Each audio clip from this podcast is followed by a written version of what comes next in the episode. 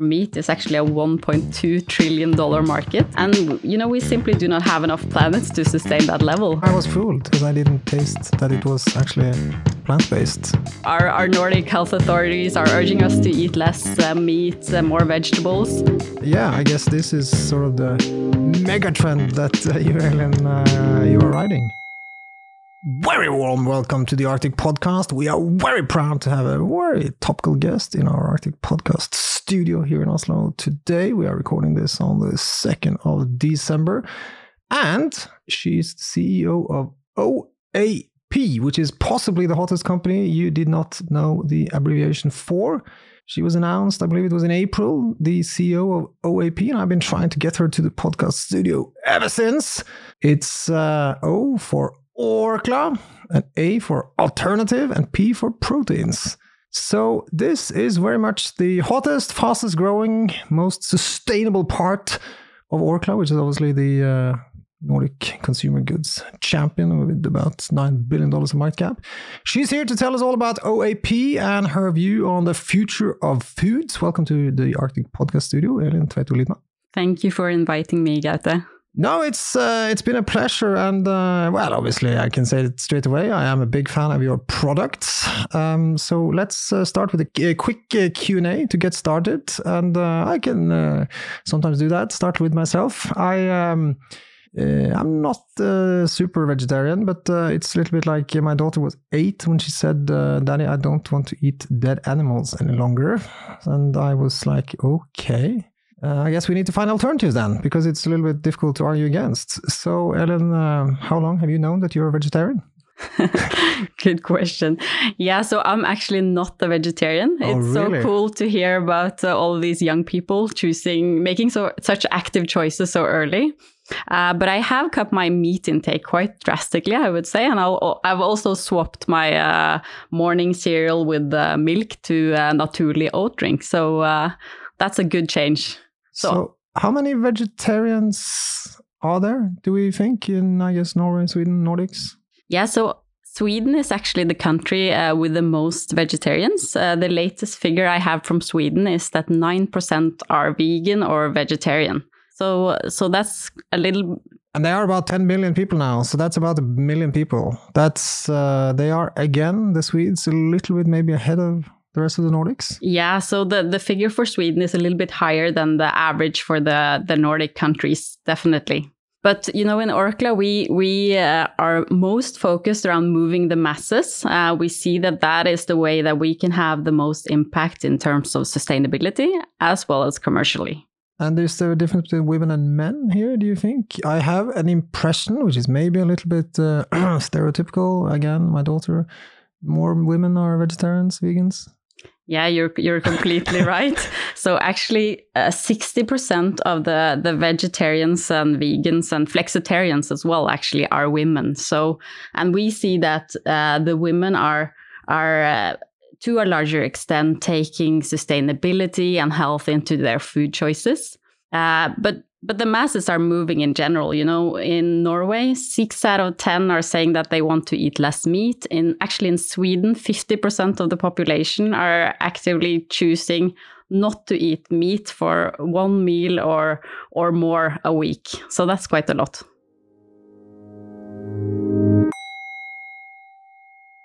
We need to speak about why because i guess there are many reasons. I uh, well my daughter didn't want to eat dead animals and we've touched upon sustainability as a broad theme.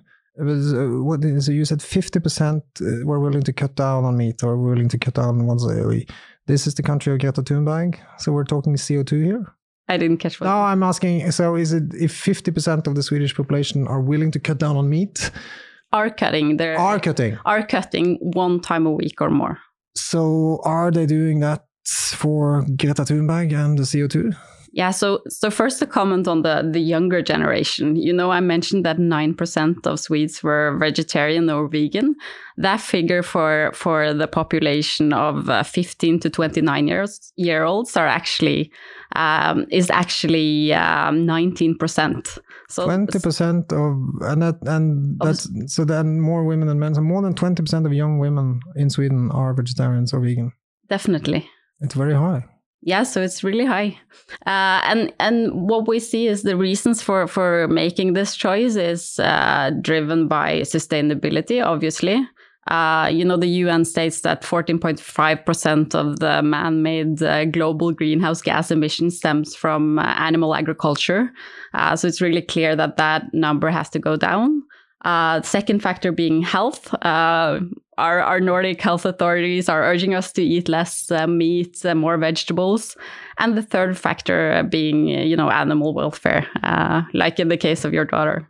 And did you see this Danish guy this Denmark is obviously a very large uh, meat producing country, and the the CEO of Danish Crown, which I believe is one of the crown jewels of the Danish uh, meat uh, production society, he says beef is never going to be super climate friendly. Uh, it's going to be a luxury product that we eat when we want to treat ourselves. He's comparing it to champagne. I guess he's maybe factoring into the CO2 prices that he thinks is going up. And in fairness, he's also then arguing a little bit more that uh, pork is less uh, CO2 unfriendly and less of a luxury product. But but uh, yeah, I guess this is sort of the mega trend that uh, you, Elin, uh, you are riding. Yeah, just looking at the world basis, uh, the market for for meat is actually a 1.2 trillion dollar market, wow. expected to grow to 1.8 trillion in 2040, driven just by growing population oh. and the fact that people tend to eat more meat as they uh, get to be more affluent. And, you know, we simply do not have enough planets to sustain that level. Uh, so something has to change. And that is why um, a lot of companies, uh, Orkla included, believes that alternative proteins will be a part of the protein future. There was some criticism. I saw at least one article that uh, it was a little bit uh, Glasgow. Uh, this uh, COP26 meeting didn't have enough focus on the whole uh, cow conspiracy. Did you see that? That this is a side uh, question, by the way. Did you see Cowspiracy on Netflix? Yeah, I have seen it. You don't want to comment any further on? no, I think I think um, I think just the overall number speaks for themselves. There, uh, you know, fifteen percent stemming from uh, animal agriculture. Uh, we can make a big difference uh, if we change sort of our sources of protein and and and cut that uh, those emissions. We need to look a little bit into your portfolio and what you're doing today because it's quite substantial. You have um, a 3 billion NOK sales target for 2025, and you have reported 981 million, so that's just shy of a billion in sales uh, rolling 12 months up to uh, quarter uh, three of this year. And uh, then if I do the numbers, then obviously you, you did say that you're going to get from the sort of 1 billion to the 3 billion by mainly organic and supported by some smaller acquisitions. And I'm still getting that to be somewhere in the lines of 33% growth per year, which is quite impressive. So, Elin, what is your hottest product? What is the best selling part of the Orkla alternative protein portfolio? Well, we have a we have a, a great portfolio of products. Many products that are uh, selling well in a lot of markets. Uh, personally, uh, I would say that uh, our shapeable minced product uh, uh, actually a sort of a minced meat alternative. Uh, is a really really good uh, product that sells a lot. I think because of the versatility of the product you know you can use it in a bolognese in, a, in with your tacos you or... know i was fooled. You know what happened actually? I came home on friday. I had a I guess a medium week at work and uh, I came home and I noticed the atmosphere is a little bit weird, but uh, so my wife and my daughter they made taco, and I was like, yeah, it's not whatever, it's taco. And then, you know, I eat it. And then after like 10 minutes, they're laughing hysterically because I didn't taste that it was actually plant based meat. It was not meat. I, I, was used to obviously having taco meat, and this was uh, probably the Naturli minced all star alternative. Yeah. Yeah. So, so you know that is uh, actually our goal you know to to uh, really make meat eaters like you gaute uh, not notice the difference to make these products truly healthier tastier um, and uh, at a competitive texture price. texture. Needs to be similar. Yeah yeah i think you you're, you're getting there. You're getting there very fast i think. Yes i think i think um, within these categories, texture have uh, has been a barrier um, against choosing them. Uh, but so much is happening within technology. All the components of the pro- products, the the processing processing technology, etc. Um, and uh, we're uh, we are in increasingly extent able to to make products that are um, similar or completely the same as uh, sort of their meat uh, counterparts. Let's start with Naturli because I believe that Naturli is originally Danish. Yes, that's right. And there is a guy called Henrik who seems like a very energetic guy who's uh, very active. I follow him on uh, social media. And uh, so Naturli Henrik, he has been doing this since 1988. And then Orkla bought it, was it 90 something? Seven? I forgot. But um, yeah, so again, I guess a little bit. Uh, I went to a meeting with Orkla the other week. You had a capital markets day and all that, and then when you look at Orkla, it's got a top line, I think, of uh, more than 50 billion NOK.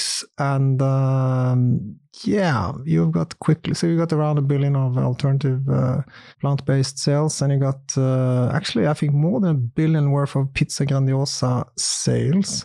But why is like the main when you go to the main entrance, the main headquarter of the main, you know, or the big headquarters of Orkla, they don't have a Pizza Grandiosa cafe. There it's called the Naturli Cafe. yeah, maybe we should have a Grandiosa restaurant as well. Um, you know, I, I was speaking a little bit about the barriers against choosing these plant based products before. Uh, and, and one is actually awareness. Uh, it takes time to change food habits. People are saying that they want uh, information and inspiration on how to use these products. And uh, the Naturli Cafe is just a really excellent showcase of our, our product portfolio, all the dishes you could make using those products. Uh, and it's a really nice place to to hang out as well, uh, especially if you care about uh, sustainability and and uh, food culture. Do you, I, I, the big difference between the veggie balls and the vegis, vegisterkaker was that? Is that a, like a seasonal thing? Yeah, I think actually the, the, the veggie balls are, I, I would say, uh, closer to, you know, a Swedish meatball, mm. whereas the vegisterkaker, uh, that is uh, an excellent product uh, for Christmas that I definitely recommend for your daughter uh, so that she can get into the holiday spirit without uh, breaking any of her principles. Um, it is more of a, you know, uh, seasonal spices closest closer to uh, the original vegistekake uh, Norwegian uh, dish. Yeah. And then you also launched a Naturli Schnitzel, which is 100% plant based. It actually says I'm looking at the uh, the wrapping. It says low on co. Oh, no, it says sorry, I was reading that wrong. It says low on CO2. I was reading low on low on cow, but it's low on CO2.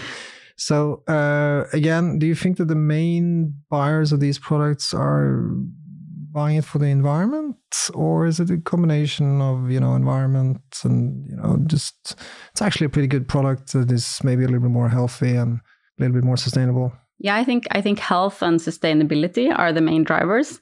But you know, being a, a big uh, food company, uh, we know that taste is uh, always important uh, you will never eat anything that uh, not tasty. So that's a big focus uh, in Orkla, and uh, you, that is also something that we feel uh, that we can really add to the table within plant based. Uh, you know, we have this um, business going back 30 years with Naturli and our brand Anamma as well. So we have sort of the the plant based capabilities and and and focus. and on the other hand, we also have just this big experience of developing tastes for for local uh, local taste preferences.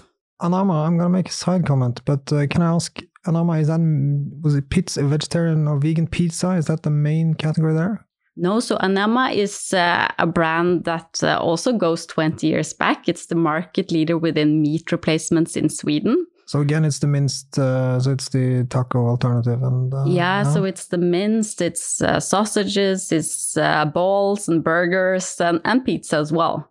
Uh, so a broad portfolio there. The reason I was going to mention the pizza was that I have some Swedish friends, and they always complain about the prices of pizzas in Norway.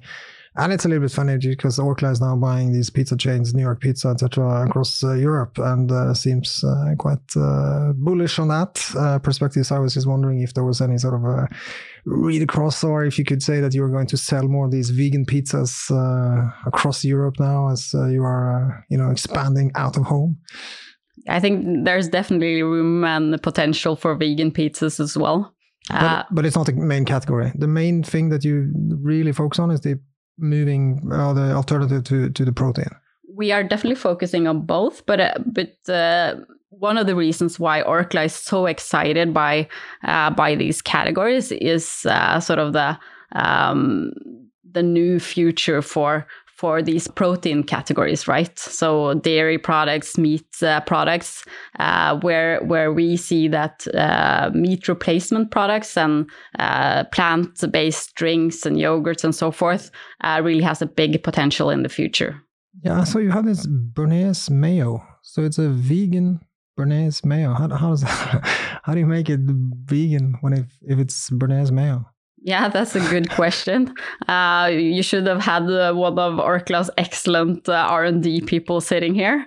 Uh, but I think that, you know, the part of the magic here, here is actually having uh, both the competence around uh, how to make a perfect mayo to start with, and also having the competence of which plant-based ingredients to use, how to to make it sort of yeah blend, blend into the perfect vegan mayo it, because Orkla makes mayo today, and it's probably like a pretty profitable product. So you, so there, that's where you have maybe the big synergies that you know how to do it starting point, and then you make an alternative, and you, it's a different brand, it's a different. But this is how how the big ecosystem works in Orkla.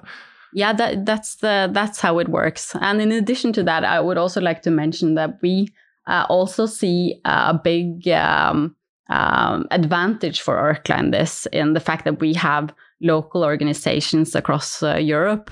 Uh, sort of why is why why is local important? Well, just think about it. Uh, being um, being local, really knowing what uh, Gaute and his family uh, wants to eat for dinner, uh, what your taste preferences are, where you like to shop, etc. Uh, that really uh, gives us an excellent starting point when we're making these products in order to to best meet consumer needs. Right? Ketchup ketchup tastes different. I mean, yeah, I mean, ketchup is different in Norway, Sweden, Denmark, isn't it? Yes. Which is strange, but it's just the way it is. People are.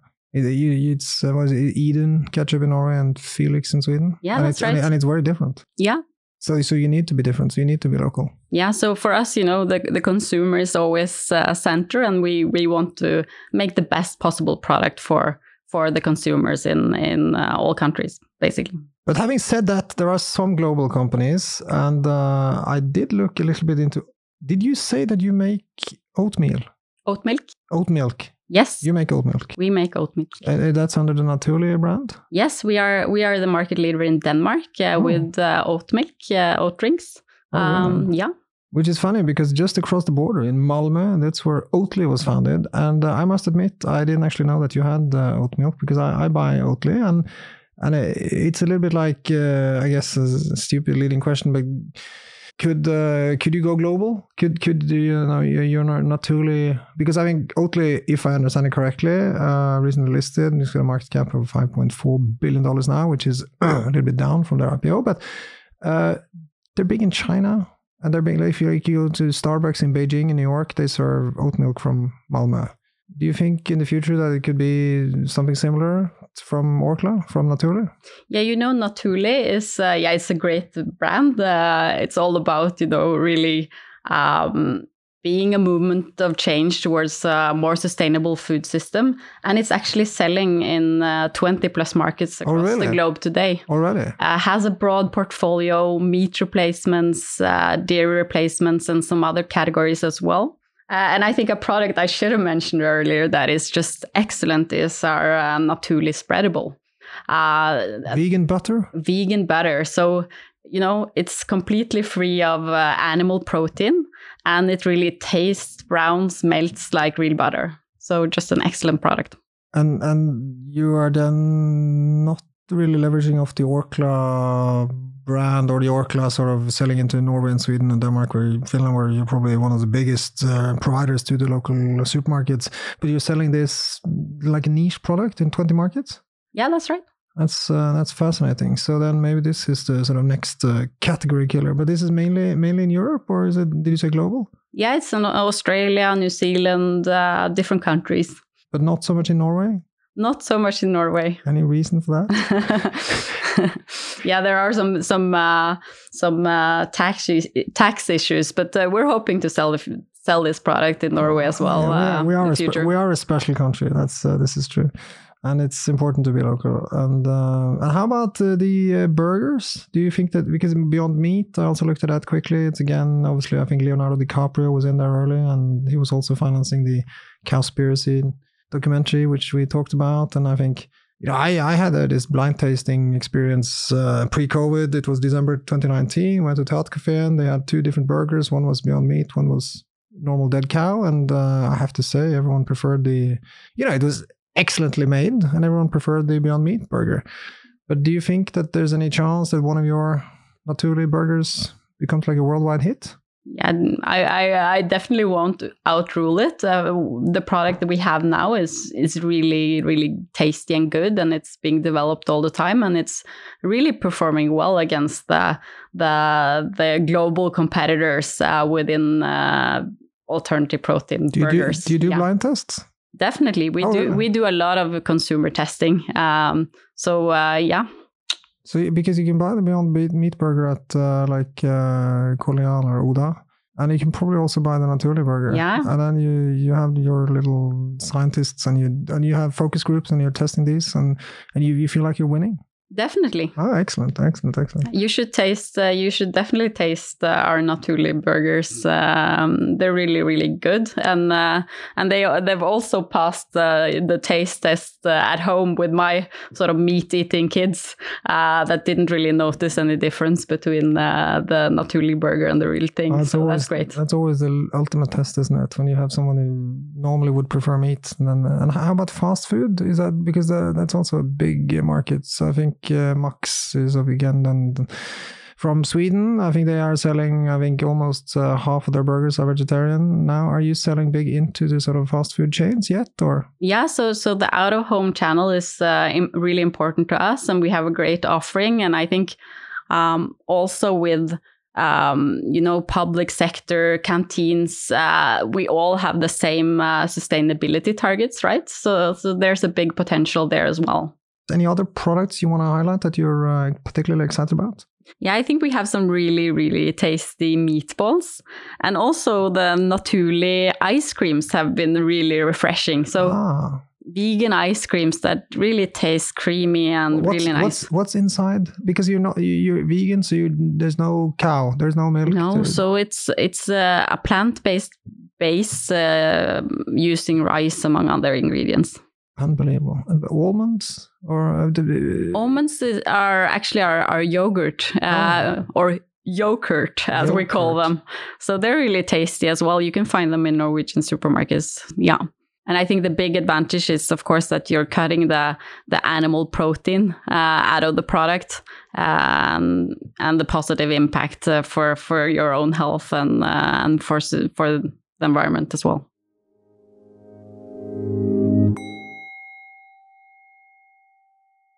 Now, looking into your uh, journey a little bit, uh, obviously you're fairly new in uh, the alternative proteins, but you've been uh, with Orkla for quite a while.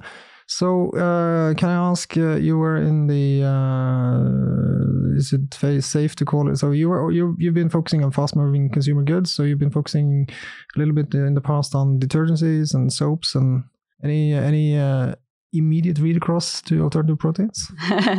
yeah, definitely. I think so. Um, I've been in Orkla for a long while, and I feel like uh, the thing that has been uh, really exciting for me is just uh, the opportunity to work with products that I can relate to and that have uh, an impact on people's lives. Um, and uh, you know, within the, whether it's soap or alternative proteins, uh, brand building, brand strategy, consumer insight, and innovation are really important components. Um, what's new in the, the alternative protein uh, sector, of course, is that Uh, here, technology is moving really, really fast. Um, a lot of things are happening, and you know, in Orkla we have um, a really active partnership strategy um, because we just recognize that we cannot invent everything ourselves. So we're we're also working really closely with a, a lot of companies across the world in order to to make the best products for the future. And you did ask me before we stepped into the studio. You did ask me sort of a test question what my uh, detergency brand was. Yeah. Uh, so I guess uh, I hopefully answered that one correctly. Was it was it Klar? It's called. Yeah, Klar. That's a that's an excellent brand uh, and uh, a brand that has a lot of focus on sustainability, um, just as uh, we do in uh, alternative proteins. So so there's a lot of learning across there as well. I am quite positive to your products, and uh, somehow I do believe. Closing comments. You can decide if you want to comment on that or not. But uh, if it is so that Orkla is selling, you know, one billion worth of Grandiosa, give or take this year, and one billion worth of uh, alternative proteins this year, I'm uh, quite confident that it will be uh, not so long before you sell more uh, alternative proteins than Grandiosa. But do you do you want to comment on that in a closing remark? Yeah, I think uh, what I would like to say is that we're we're committed to our ambitions to to reach three billion, and uh, we're working really hard to to build this long term, uh, build a good business that really has a positive impact on on the world as well. Fantastic! Many thanks for uh, spreading your positive energy and your view of the future of foods in the Arctic podcast, Elin Tveito Lidman. Thank you very much. Thank you for having me. This podcast has been prepared by Arctic for information purposes only. The information, opinions, and recommendations presented in this podcast are for general information only, and any reliance on the information provided in this podcast is done at your own risk. This podcast should not be considered professional advice. The information provided in this podcast is not intended to constitute investment advice, nor is the information intended as an offer or solicitation for the purchase or sale of any financial instrument. Relevant and specific professional advice should always be obtained before making any investment or credit decision. It is important to note that past performance is not indicative of future results. This podcast does not fulfill the criteria for preparing investment research and must be seen as marketing material. All information submitted during this podcast is obtained from public sources that Arctic believes to be reliable, but which Arctic has not independently verified. Arctic makes no guarantee, representation, or warranty as to its accuracy or completeness. No liability whatsoever is accepted for any direct or indirect, including consequential, loss or expense arising from the use of information from this podcast.